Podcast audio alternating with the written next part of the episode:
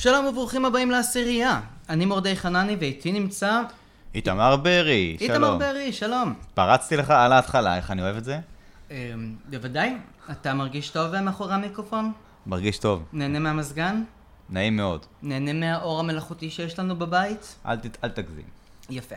כי אנחנו בפרק הקרוב הולכים לצלול להיסטוריה הקרובה רחוקה, ונדבר על עשר סיבות שבגללן לא היינו שורדים פיזית ונפשית בימי קדם.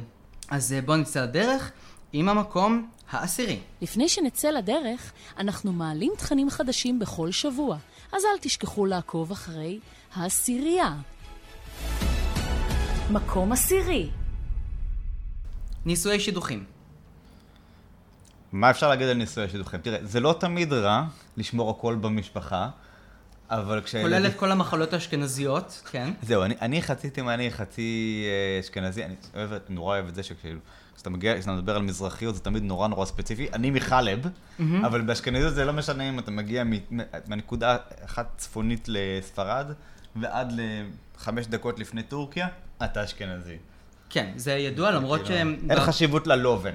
אם הוא לבן זה לבן זה לבן. שתדע לך שזה היה זה Tide. מאוד מאוד אה, חשוב ליהודים. אה, אני חושב שקפקא כתב על, על ה Ostjuden, שהוא ראה אותם פעם אחת ברכבת, היהודים ממזרח אירופה, שזה היה השרץ החי, הדבר הנורא ביותר עלי אדמות. אה, אה, לא, גם, גם סבא שלי, זיכרונו לברכה, אה, שהוא בא ממערב גרמניה, וכשהוא פגש פולנים לראשונה בחייו, הוא, הוא נדהם ואמר, מי זה הבבונים הפרימיטיביים האלה? אוי, זה נפלא. הוא- מה- איך הוא קרא להם? קודם כל, הוא קרא להם אוסט-יודן מן הסתם, אבל הוא גם אמר להם, מה זה היה? כאילו פוטטו מנצ'רס כאלה. אוקיי. מכרסמי תפוחי אדמה, חקלאים, איכרים, אה, בורים. הילי ביליז. הילביליז. ובשבילו זה היה כאילו, פולנים, אתה יודע, שמסתובבים פה בארץ ואומרים לך, "אה, כן, אנחנו מאוד תרבותיים, תשמע, וכאלה, ואתה יודע, סבא שלי היה מסתכל ואומר, רגע, סבא שלך מהעץ." מתחתן עם בת דודה? כי זה בדיוק המקום העשירי לא, סבא שלנו. שלי התחתן עם אמריקאית. אה, אבל אוקיי. טפו, היא אוקראינית במקור. הבנתי, הבנתי. אז למה לא היינו שורדים נישואי שידוכים בתקופות עתיקות? קודם כל, תראה, אתה לא יכול לעשות שבת בלי המשפחה שלה או שלך. אוקיי. זה דבר נוראי, אתה הולכים לשבת? כן. אצלי או אצלך? כן. אותו דבר. כן. אוי, אז, אז אני הייתי... טוב, בכלל, כל, כל העניין הזה שגם כופים עליך עם מי להתחתן, וכל הנושא של ניניות והדחקה שלה, ותשוקה שלא קיימת. כן, למרות שיש, לפי דעתי, לנישואי שידוכים יש איזשהו גם פלוס קטן, ברעיון הזה שזה לא משנה, עזוב אותך עכשיו מהרומנטיקה, גם ככה החרא הזה הולך להתפייד אחרי 20 שנה, ממש. פשוט תסתדרו. פשוט תסתדרו. פשוט, רק, בוא, רק בוא לא אבל זה נריב, גם הייתה חברה פטריארכלית, ימצא... כולם עשו מה שהגבר רוצה. נו, בדיוק. נו. אז, אז למה אנחנו מתלוננים על זה בעצם? נקסט. אנחנו זוכים מההפקר פה, לא? אתה זוכה, כי לך יש... אה, ואותך היו סוקלים. בסדר, ואנחנו נעבור למקום התשיעי. מקום תשיעי. מרחקים גדולים. אני לא עושה מרחקים גדולים, אני מצטער. אני אהיה איש מאוד לא קל לי. מה הכוונה? אני מוכן לעלות על מטוס, אני מוכן לעלות על רכבת, מוכן לעלות על אוטובוס, מוכן לעלות על גמל. אבל uh, אני לא מתכוון ללכת ברגל עד אתונה או ספרטה. זה לא יקרה. זהו, כי אנשים עשו את זה פעם. כן, אה? אני פעם, אני, אני הייתי על סוס פעם בקירגיסטן, ואמרתי, בתקופות עתיקות הייתי פשוט חוזר ככה הביתה עם הסוס. כאילו, אתה היית עם הפורשה עכשיו, אתה מבין? והיה ילד שרץ מאחוריך.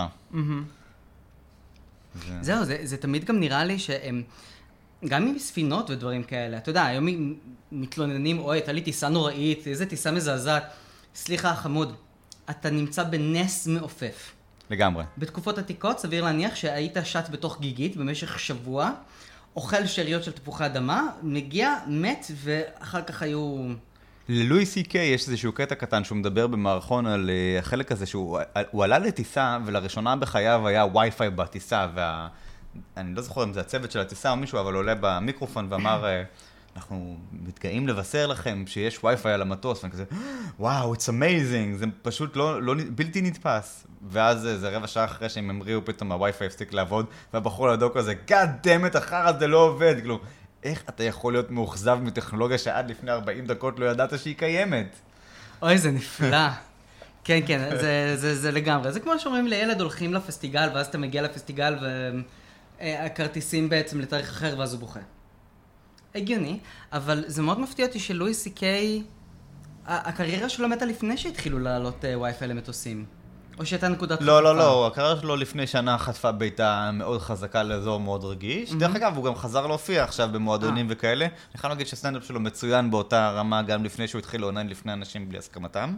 זהו, אני, תראה, אני קצת סלחן אולי, אני לא סלחן לפשעים מיניים, אבל אני סלחן לאנשים חלשי אופי, כי אני איש חלש אופי. אה, לא במובן הזה, אני אה, במובן הזה דווקא מאוד קורקטי, אפילו קצת יתר למידה. אתה אה. מפספס אותי לגמרי, אוקיי, כן. כן. אבל, אבל דבר איתי. לא, אבל אותי זה מדהים שהוא מצליח לעלות על הדקויות האלה, ודווקא גם, שוב, מכזה מקרה להתאושש בצורה מאוד מאוד חיננית אחרי שביטלו לך את כל התוכניות, אף אחד לא רוצה להעסיק אותך, והפסדת 30 מיליון דולר. איך הייתה השנה שלך, דרך אגב? הבנתי, כן. הבנתי. אוקיי, אז אה, בואו נעבור למקום Next. השביעי, אני אעשה על זה מקלחת ונחשוב על זה. יאללה. מקום שמיני. היגיינה אישית. היגיינה אישית. זאת אומרת, אמ, יצא לי כמה פעמים בחיים שלי להיות בטיולים ארוכים, שלא מתקלחתי איזה יום יומיים, ופתאום אני קולט שאני מגרד, וזה לא נעים, ואני מרגיש את עצמי. אתה נשען וזה- על משהו ואתה פשוט נדבק אליו. זה דוחה. כאילו, איך, איך הצרפתים יכלו ועודם יכולים לא להתקלח כל החיים שלהם? אני חושב שזה דווקא, יש איזושהי טענה שקודם כל, המרבד חיידקים הזה שחי עליך הוא טבעי, והוא גם טוב למערכת החיסונית וטוב לעוד כל מיני דברים אחרים. מהמם, בגלל זה כל כך, כל כך יפה המערכת החיסונית עבדה בימי המגפה השחורה. טוב, אני לא אפידמולוג, בסדר? אולי טיפסתי לד שלא לא ידעתי איך לרדת, כי נדבקתי פשוט אליו מרוב הלכלוך. אבל, דרך אגב, יש גם בעוד, אני חשבתי שאתה הולך ללכת לכיוון הזה מלכתחילה כשטיילת. מהמם. יש להודים, לדוגמה, כשהם מתגלחים, יש להם איזה מין אבן סודית כזו, הפילוסופר סטונס של הגילוח. איזושהי אבן לבנה כזו שמשפשפים עליך, זה כמו אמור להיות איזה אפטר שב מקומי. אוקיי. וחשבתי לעצמי שכאילו, מה אתה לפני אלפיים שנה, מה עשית בשביל לשמור על היגיינה אישית? היית כאילו משפשף עליך שתי אבנים? היית מסיר אני שערות חשבתי עם אבני צור? שמתקלחים ב- ב- ב- בארות ונהרות, אבל uh, פתאום כשאני חושב על זה שמים זה היה מצרך נדיר, אז uh, כן. סביר להניח שלא הייתי רוצה להריח אנשים בתקופות uh, קדומות. לרוב לא, למרות שלדוגמה למצרים היה אה, פרקטיקה של היגיינה אישית מאוד מאוד גבוהה, וגם נגיד אפילו הם, רובם היו מגולחים למשעי, למיטב הבנתי. באמת? וואו, הם צריכים לעבוד מאוד קשה. אני הייתי בסיני, אני ראיתי שמשהו הולך על המצרים. כן. זה עבודה, לא, אז יפה, פעם הם השקיעו. היו כולם בגריינדר. אהה. חזק בגריינדר. הבנתי, כן. הבנתי. אז אה, היגיינה אישית, ל- ל- לי, אותי זה היה פשוט מחרפן. באמת, כאילו... ל- צורך במקלחת זה יותר גרוע לדעתי מצורך בניקוטין או מרעב. כן. ואנחנו נעבור למקום השישי, ששם זהו, אנחנו עוברים... בוא נחבר את זה. יפה. מקום שביעי. היגיינה ציבורית. היגיינה ציבורית. כן, מה יותר גרוע, היגיינה אישית או היגיינה ציבורית? הכי גרוע זה שהיגיינה אישית נעשית בהיגיינה ציבורית. זה הכי גרוע. מה, להתקלח כשאתה צריך להתקלח באביבים המקומיים ואין לך בבית מקלחת, ואתה נעמד מתחת לנהר, כשמישהו לידך כובס והשלישי עושה דברים פחות נקיים, והכל זורם לאותה נקודה. אוקיי. כן. אז אמ, תשמע, אמ, אני נוסע בקו 16, אני יודע מה, מה הבעיה בכ- בכך שלאנשים אין היגיינה במרחבים ציבוריים, מהמם. אוקיי? ומי שנוסע בקו 16 יודע על מה אני מדבר. בתור אחד שגר כמה שנים במקומות אה, עם פרקטיקות היגיינה פחות מוצלחות מישראל, אני יכול להגיד לך שהיופי... כפר סבא? לא, נגיד, אתן לך דוגמה. אה, רכבת תחתית בגרמניה בקיץ. אוקיי. הפרקטיקה שלהם, בגלל שהם במדינה די קרה בסך הכל וממוזגת רוב הזמן, היא מוטלת בספק, אבל בדרך כלל קר, אז אתה גם לא שם לב. אבל ברגע שנהיה חם והמעלות עולות, אתה נכנס לתוך הרכבת וכאילו... זה כאילו שמייק טייסון תפס אותך באיזשהו הדלוק ואתה תקוע לו עם האף בתוך הבית צ'כי. אוי ואבוי. ואין לך איך לברוח. זה תמיד איזה גרמני ממלמל רטנוני ושמנמן, אה, שאתה יודע, מנסה לעבור לידך ואתה מקבל איזה משב רוח שגורם לך למצמץ דמעות של חומץ. אוי, אוי ואבוי. זה מזעזע, באמת, תקשיב, מעולם לא נתקלתי בהיגיינה כזו ירודה. נוראים. והיינו, אתה יודע, שנינו היינו נגיד גם בפארגנג', ב- אתה יודע, במקום הכי גרוע בדלהי, ואני יכול להגיד לך שההיגיינה האישית של הגרמנים, בתור מישהו, בתור אנשים שהם כן מערב, צפון מערב אירופאים, ואמור להיות להם את כל ה facilities שמאפשרים להם את הדבר הזה, אין. אני איזה פעם אחת עשיתי אה, קייטרינג בבית כנסת של איזה קהילה של איטלקים, יום שבת, עשר בבוקר. פה בארץ? כן, כולם יפים, מתוקתקים ומצחינים משום. טוב, אתה לא יכלת לעבור שם, זה היה פשוט מצחיק מרוב שזה היה עדיף צונף. שיסריחו משום מאשר שיסריחו מזיעה. טוב, אז אה, בואו אנחנו נמשיך עם העניין המלבב הזה למקום הבא שלנו. המקום הבא שלנו, מקום שישי. להיות קורבן לטרף. מה? כן, מה ששמעת. להיות קורבן לטרף. דרך אגב, זה לא תמיד רק בהיסטוריה, לדוגמה בשמורת הסנדרבאנס ב- בבנגל המערבית, שזה בצפון מ- צפון מזרח הודו, עד היום יש תקיפות של טיגריס בנגלי. זאת אומרת, אנשים, דייגים לדוגמה, שדגים שם באזורים האלה. לפעמים טיגריס מחליט שבא לו לאכול והוא פשוט הולך. אני הלכתי, היה איזה ב Lonely Planet על הגב, שם של שמורה, לראות טיגריסים, ונסעתי לשמורה הזאת כדי לבדוק אם אני טעים. הסונדרבאנס. כן, לא, לא ראיתי שם. בסדר, אז הוא לא בדיוק בא, הוא לא בא ברגע שזימנת אותו. אני לא יודע אממ. כמה שעות חיכית לו בשיחים כמו צלם טבע, אבל אה, הוא בטח לא בא בשביל לבדר. אבל להיות קורבן טרף באופן, קורבן לטרף באופן כללי, זו חוויה לא נורא נדירה בעצם בימים עברו. תחשוב על, עזוב, תחשוב על מדינת ישראל לפני 1,500 שנה. יש לך פה תנינים, דובים, אריות. אנחנו המקום הכי צפוני בעולם שהיה בו אריות לדעתי, האמת שיכול להיות שדווקא היה ביוון, לדעתי עוד איזשהו אריה. אוקיי. היה איזה אריה אירופאי ביוון. לא חשוב, אנחנו נעמיד פנים שזה מה שהיה. היה לך אוקיי. דוב סורי, אה, אה, היה לך אה, נמרים, היה לך סתם ביש מזל, אה, צפה, טוב זה לא בדיוק טרף, אבל בכל זאת. הכי נורא זה דרך אגב להיות קורבן לטרף של בני אדם, כי שודדי דרכים, כן. זה דבר שהיה מאוד רווח בימים עתיקים, ופשוט היום... אני לא יודע אם שודדי דרכים היו אוכלים את הקורבנות שלהם ב... לא, אבל היו יכולים מאוד להשתעשע ב... ב... פשוט בגופות של אנשים או באנשים גוססים. אתה יכול לתאר לעצמך שאתה, אה, יואבב בן שמשון, לפני אלפיים שנה, יוצא מהכפר, והולך, אה, לא יודע, הולך להביא מים, הולך לעשות משהו, ופתאום מולך מופיע אריה, ומחליט שאתה ארוחת בוקר שלו. מה אתה אפילו עושה? הרי אריה יכול לתפוס אותך בכל מצב, אין לך לאן לברוח. תטפס על עץ, אה, גם הוא יודע. עכשיו אני מבין, זה כמו מס הכנסה. אוקיי, זה פשוט מופיע ואין לך מה לעשות עם זה. הבנתי. עכשיו, אנחנו בני אדם, אנחנו לא ממש בנויים לרעיון הזה של להתמודד עם דבר כזה. כן, אנחנו לעשות פשוט חוץ מפשוט סתם לעמוד שם. ולחכות שזה יקרה, שפשוט, הופ, והוא תופס אותך בצוואר, מוריד אותך לרצפה ולוקח אותך לאן שהוא רוצה. אין לנו שום יתרון על חיים בטבע. אתה, לא. אתה קראת את הספר אה, בחזרה מטוויצ'י? כן.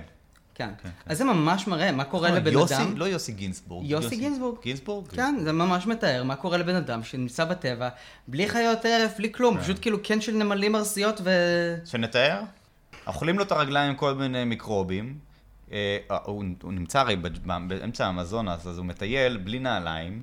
אה, מדווח שכפות רגליים שלו במצב בלתי נסבל, והאור פתוח כולו ומוגלתי, והוא נאכל מפטריות וטפילים. לכל מי שמאזין לנו ברגעים אלו. כן, זה, זה ספר, אני חושב, עם התיאורים הכי גרפיים שנתקלתי בחיים שלי, כן. וזה מדהים. זה מדהים, זה כאילו, הוא גם זה סוג לא של קורבן פורנו. לטרף, פשוט ממש ממש בסלואו מושן. כן, וואו. אבל אם אתה היית בטבע לפני אלפיים שנה, אתה בכ... לא תמיד בראש פירמידת המזון בכל מקום בו אתה נמצא בעצם. לא. לפעמים אתה סתם ארוחת צהריים של מישהו. היום אנחנו כולנו הולכים. להיות הארוחת צהריים של ההתחממות הגלובלית, אבל זה כבר סיפור אחר. זה תמיד מרגיז אותי בקטע הזה דרך אגב, שאני רואה אנשים שיוצאים מהאוטו, אתה יודע, בכל הסרטונים האלה שהם יוצאים מהאוטו ולהגיד שלום לאריה, זה תמיד איזה סינית או רוסי או מישהו, איזה רוסיני. שיוצאים להגיד שלום לאריה בספארי ואז הוא בכלל, היי, יש פה אוכל, והוא פשוט לוקח אותם לשיחים ואוכל אותם, וכולם אומרים, איזה טרגדיה איומה. מה? אוקיי, יש מזל שאני לא מסתובב בקבוצת פייסבוק של אה, וואטסאפ שלך. יש דברים שאחרי שתיים בלילה נהיות מילות חיפוש דברים מאוד שאנחנו נפוצות. לא הולכים, אה, שאני לא בקבוצות וואטסאפ שלך, זה הולך להיות במקום החמישי שלנו. מקום חמישי. מכוך. ואני לא מדבר מתוך ניסיון, אני פשוט מדבר מתוך העניין שאנחנו אמורים לשקף את כל המין האנושי, ובשביל חצי מהמין האנושי להסתובב בלי, מח... בלי חזייה, זה סיוט. כלומר, אני מכיר בנות שאמרו לי אה, כמה נורא זה להחזיק את השני אה, שקי שומן האלה מתנדנדים בלי שמשהו אוחז אותם. זה מפריע להם להסתובב עם שד חופש, אתה אומר. כן. אני תמיד חשבתי שזה אולי איזה קצת אה, מבוכה או אי נוחות בגלל איזושהי קונסטרוקציה חברתית, ולאו דווקא בגלל הנוחות האישית, כי... אבל עזוב ללכת בלי חזייה, העניין זה ללכת עם מכוך. מכוך זה בלתי נסבל. כן, יפה. היו מהדקים להם כל כך חזק שהן היו מתעלפות חלקן. היו חדרים להתעלפויות בבתי מידות של עשירים. אה, כן? חדר. להתעלפות? חדר להתעלפות. וזה היה... אבל איך מגיעים אליו? בדרך כלל מתעלפים ואז... או שמתעוררים בו רק. תקשיב, להתלבש במכוחים ודברים כאלה, אני יכול להגיד לך קודם כל שאני לבשתי, אה בעצם כן לבשתי מכוך. באופרה. אני השתתפתי ב... אני חושב שזה היה בדון קרלו והיה לי שם מכוך, זה היה קשה. הצלעות שלי עוד לא חזרו למקום שלהם. כן. זה גם נורא מסורבל, כאילו עד שאתה נכנס וזה, וזה תחתונית ועליונית, ו... זה... זה סיוט. מה שכן, זה מוציא ממך את כל האוויר המיותר. נכון, נכון, אבל אני באמת מתקשה לחשוב על איך מישהי היום, כן. אתה יודע, נגיד סתם אשת עסקים וזה, עכשיו תיכנסי לתוך מכוך ותצאי ל... אני חושב שיש סיבה שבגללה, שהרי היה איזושהי תקופת חפיף, תקופת הפרדה, אפילו לא חפיפה, בין השתחררות מהמכוך מהמם. לבין מתן זכויות הצבעה לנשים. נכון, כי נהיה להם מספיק אוויר בשביל לצעוק, אני צריכה זכות הצבעה. יפה, יפה. שמישהו יעזור לי. יפה. ודרך אגב, תעזרי לי לצאת מהמכוך. שני ואם לא גברים- אכפת לך, גם לסגור לי את השמלה. שני גברים פריבילגיים, מדברים כן. על זה, זה, זה אחלה. באמת. טוב, אז אה, בוא, אנחנו, אם ככה, אפרופו מדברים על אה, דברים שהם קשורים למדע וכדומה, אנחנו נעבור למקום הרביעי שלנו. מקום רביעי. בורות מדעית. מה הכוונה? מה הכוונה? תגיד לי אתה, מה זה בורות מדעית לדעתך? האמת שאני חשבתי על זה, העולם שטוח? עזוב את זה, לדבר מבחינה לוגית כן, עם בן אדם כן. שאין לו את, ה, את ההשכלה הזו של 12 שנות לימוד. בוא, בוא, בוא, בוא נעצור, נעשה פאוזה, נלך שלושה צעדים אחורה. לא צריך ללכת לפני 5,000 שנה. בוא נדבר על ה nineties. אתה עומד מול חבר שלך, ומשקר במצח נחושה. עכשיו, הוא ולא אתה, יש לכם עכשיו בכיס את, את אה, אנציקלופדיית כלל, או משהו גם, שהוא גם ככה חצי ממנו כבר לא רלוונטי למידע שקיים באותו יום. כבר אז בעצם יכולת להפיץ שקרים. נכון שכאילו מבחינה מדעית כבר הוכחו הרבה דברים, ויכולת באופן תיאורטי אה, ללמוד מהם ולהוכיח אותם, ולבוא להגיד, הנה, תראה, גם כתוב אה, אה, באנציקלופדיה הזו, וגם הפרופסור הזה הוכיח, אבל לא היה לך שום כלי שיכולת לשלוף מהכיס ולהגיד, הנה, תראה, קליק, קליק, קליק, וזה מולך המידע. זה לא היה קיים. אז בעצם עד שנות התשעים, פחות או יותר, אמנם אז זאת אומרת, אפילו למדנו עוד עשר דברים. שנים אחורה אה, אה, היינו... אבל עשר שנים אחורה אז זה דווקא היה טוב, כי היינו יכולים אה, לשקר בכיף. אבל יכלו לשקר לנו בעצם. אומנות סיפור, אומנות של לספר סיפור ואומנות השקר, שתיהם דברים שקצת נעלמים מהעולם בזמן שהמידע זמין כל כך. שתדע לך שאני הייתי מדריך טיולים במשך חמשת השנים שבהם נכנסו אה, טלפונים חכמים. כן. באמת, יכלתי להרגיש את התקופה שבה אנשים בדקו אותי בזמן אמת, בזמן סיור, כן. ואימתו אותי מוויקיפדיה. וואלה. תוך כדי, בשביל הספורט. דרך אגב, אה, ויקיפדיה לא תמיד צודקת. זה נכון, אבל היו אנשים שבאמת, זה סאחים בלטות שכאילו אומרים, כמה אנשים גרים ביפו? ואני אומר, כמה עשרות אלפים, ואז פתאום נותנים לי את המספר המדויק, אה, אה, איך לא ידעת? כי אני לא בגוגל עכשיו מול העיניים שלי, חתיכת Mm. כן. אידיוט מטומטם. כן. כן, כי אני קם בבוקר ולא מעניין אותי לקרוא מרשם אוכלוסין. אני מדבר, כש...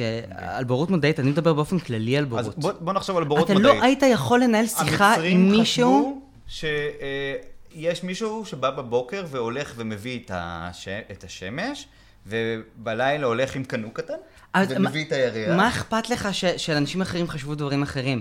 הבעיה שלי זה שלא היה לי שפה משותפת עם האנשים האלה, כי לשנינו חושבים בצורות שונות. אני...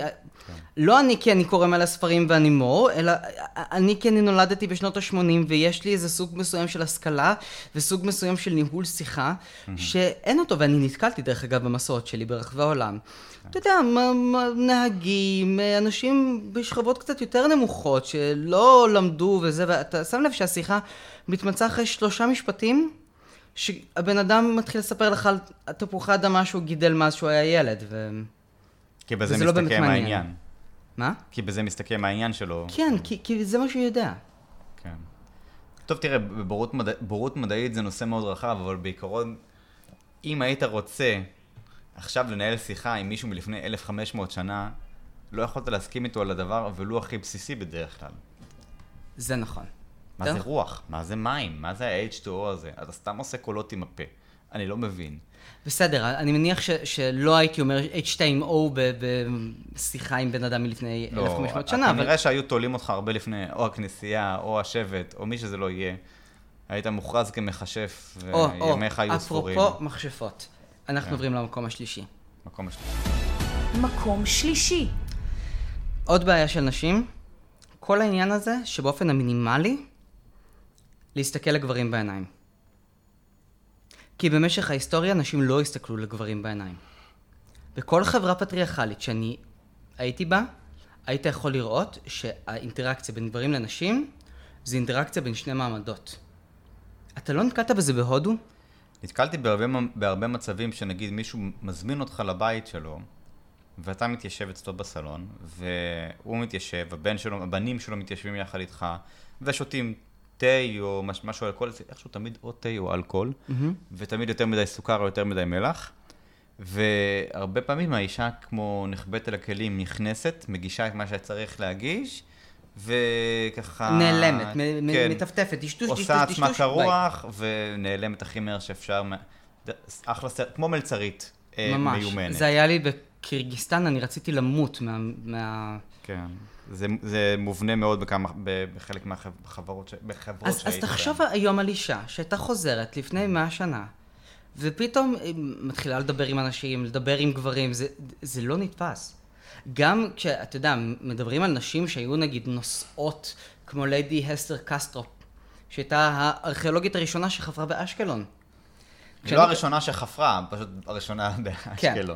אז אה, חלק מהתיאורים זה שבאמת חשבו שהיא מכשפה, כי היא באה והיא מדברת עם, עם גבר, פנים מול פנים. אגב, זו אחת הסיבות שנשים כל כך מוטרדות במזרח למשל, כי נגיד בסרטים הודים, איך הם מתאהבים? דיגי דיגי מאחורי העץ? לא יודע? שהמבטים שלהם נפגשים. אה, כן? כשגבר מצטלב במבטו עם אישה, זהו, אה, גורלם... זה הפלירטוט. זה הפלירטוט. הבנתי. וזהו, ותמיד כשגבר ואישה מסתכלים אחד על השני בתחילת הסרט, הם מתחתנים בסוף הסרט. הבנתי. וכשאישה מערבית מגיעה ובאופן הכי טבעי היא מסתכלת למישהו בעיניים אומרת לו הלו איפה הרחוב הזה הוא באותו רגע חושב שהוא מצא את אשת חלומותיו ולכן יש כל כך הרבה הטרדות. אוקיי, זה, זה איזשהו אספקט מסוים ממערך של סיבות, אני מאמין, שבגינם הם מטרידים אה, נשים ערביות או נשים זרות. בגלל זה גם תלו מכשפות. אני יכול להגיד שגם באזורים מסוימים, לדוגמה באוטר פרדש, שזה בצפון מזרח הודו, לצורך הדוגמה, אה, דיברתי דווקא עם כמה מקומיים בעניין הזה, כי הם אומרים, אני, אני לא מכיר אישה לבנה מחוץ לפורנוגרפיה שאני אה, צורך בטלפון הנייד שלי. אז מבחינתי, כל אישה לבנה היא, היא עובדת מין. מהמם. אז uh, כשאני רואה אישה לבנה ברחוב, היא, כמו שאתה, כנראה, כמו שאתה אומר, נועצת בעיניים, מבחינתי היא מופקרת, וזה ממש הגיוני שאני אה, אנסה לתפוס אותה. אומרת, כי היא בזה- רוצה את זה גם, כי או- בפורנו היא רוצה את זה. או שאני רוצה פיסה קטנה מאמריקה, כמו שפעם היינו אומרים אה, Mm. באייטיז. אתה היית אומר ב eighties, אני ב eighties עוד לא התחלתי לדבר. הבנתי. אני גם התחלתי לדבר מאוחר, אני התחלתי לדבר לקראת סוף ה eighties, למרות שאני נולדתי בתחילת ה eighties, זה אממ. לא כזה גאון גדול. הבנתי. כן. טוב, אז אה, בואו נעבור למקום השני, הוא יהיה מאוד קצר ואנחנו יאללה. נעבור למקום השני. מקום שני. מכונת כביסה. או כמו שקראו להם פעם, נשים. קופסות? נ- כן. כן. שתדע לך, יש אה, ספר שקוראים לו 23 23 דברים שלא סיפרו לכם על הקפיטליזם. אוקיי. אחד הדברים שאומרים שם זה שהמהפכה הכי גדולה שהייתה מבחינה תעשייתית כן. בהיסטוריה זה מהפכת מכונות הכביסה. אני מסכים עם זה באופן אה, לא חלקי, זאת אומרת, כל מכונות האוטומציה של אה, טיפול במשק הבית והמצאת הגלולה והיגיינה איש- אישית לנשים, כל מיני טמפונים ותחבושות היגייניות, ובאמת, זאת אומרת, הצורה שבה את לא חייבת להיכנס להיריון מכורח הנסיבות, ועבודות הבית ותחזוקת הבית, ותנור, ו, ולא משנה, ומיקרוגל, כל הדברים האלה, מקצרים את כל התהליכים האלה, פינו זמן לנשים בעצם להיות חופשיות, וברגע ש... אז אני חושב שהחלק הגדול, זה כמו... בוא נגיד ככה, תנועת הפמיניזם בפני עצמה, אני לא חושב שתרמה כל כך הרבה, כמו שתרמו המכשירים הפשוטים האלה, בלי להתכוון בעצם בצורה ישירה. כי הם פשוט אפשרו לקחת את כל היום שאישה קודם כל הייתה מושבתת במרכאות, חמישה ימים או שבעה ימים בחודש, ובנוסף לזה במהלך היום היא צריכה, אתה יודע, אה, לכבוס ביד, ללכת, לתלות את זה במקום מסוים, אה, לחמם את התנור עם עצי הסקה. על קרש כזה שנראה כמו הבטן שלך כשהיית רזה יותר. משהו כזה, כן. מהמם, כן. ובסופו של דבר זה היה גוזל את, את רוב היום מבחינת הזמן. Mm-hmm. אז ברגע שכל הדברים האלה יכולים לעשות בתוך שעה, שעתיים, שלוש, נוצר המון זמן פנוי, אז ולצאת לעבודה בעצם נהיה דבר שהוא, ש, שהוא אפשרי. אז עם כל הרצון של התנועה הפמיניסטית לפני זה, אני חושב שאחד הדברים העיקריים שנתנו להם את הכלים לצאת ובאמת אל העולם, זה הדברים האלה, זה הטכנולוגיה. נכון. אז uh, אני לא הייתי רוצה לחזור uh, לכבס ביד. אפילו לגהץ אני לא מסוגל, שלא לדבר על לתלות כביסה. ואנחנו נעבור למקום הראשון. ובמקום הראשון, טיפול שיניים בלי הרדמה. כן. הייתי אומר באופן כללי כל סוג של טיפול בלי הרדמה, אבל טיפול שיניים זה היה הדבר הכי רווח. ועשו את זה עם צוותות, פליירים.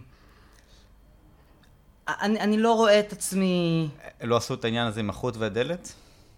אה, כן, לי, לי עשו את העניין הזה עם החוט והדלת, אבל אז הייתי בן שש, ובאמת אה, נש... נפלו לי השיניים.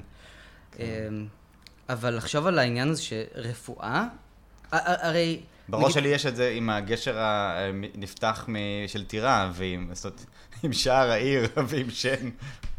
זה כאילו יוצאת לו כל הלסת בטח. תקשיב, אני הייתי... אה, איך קוראים לזה?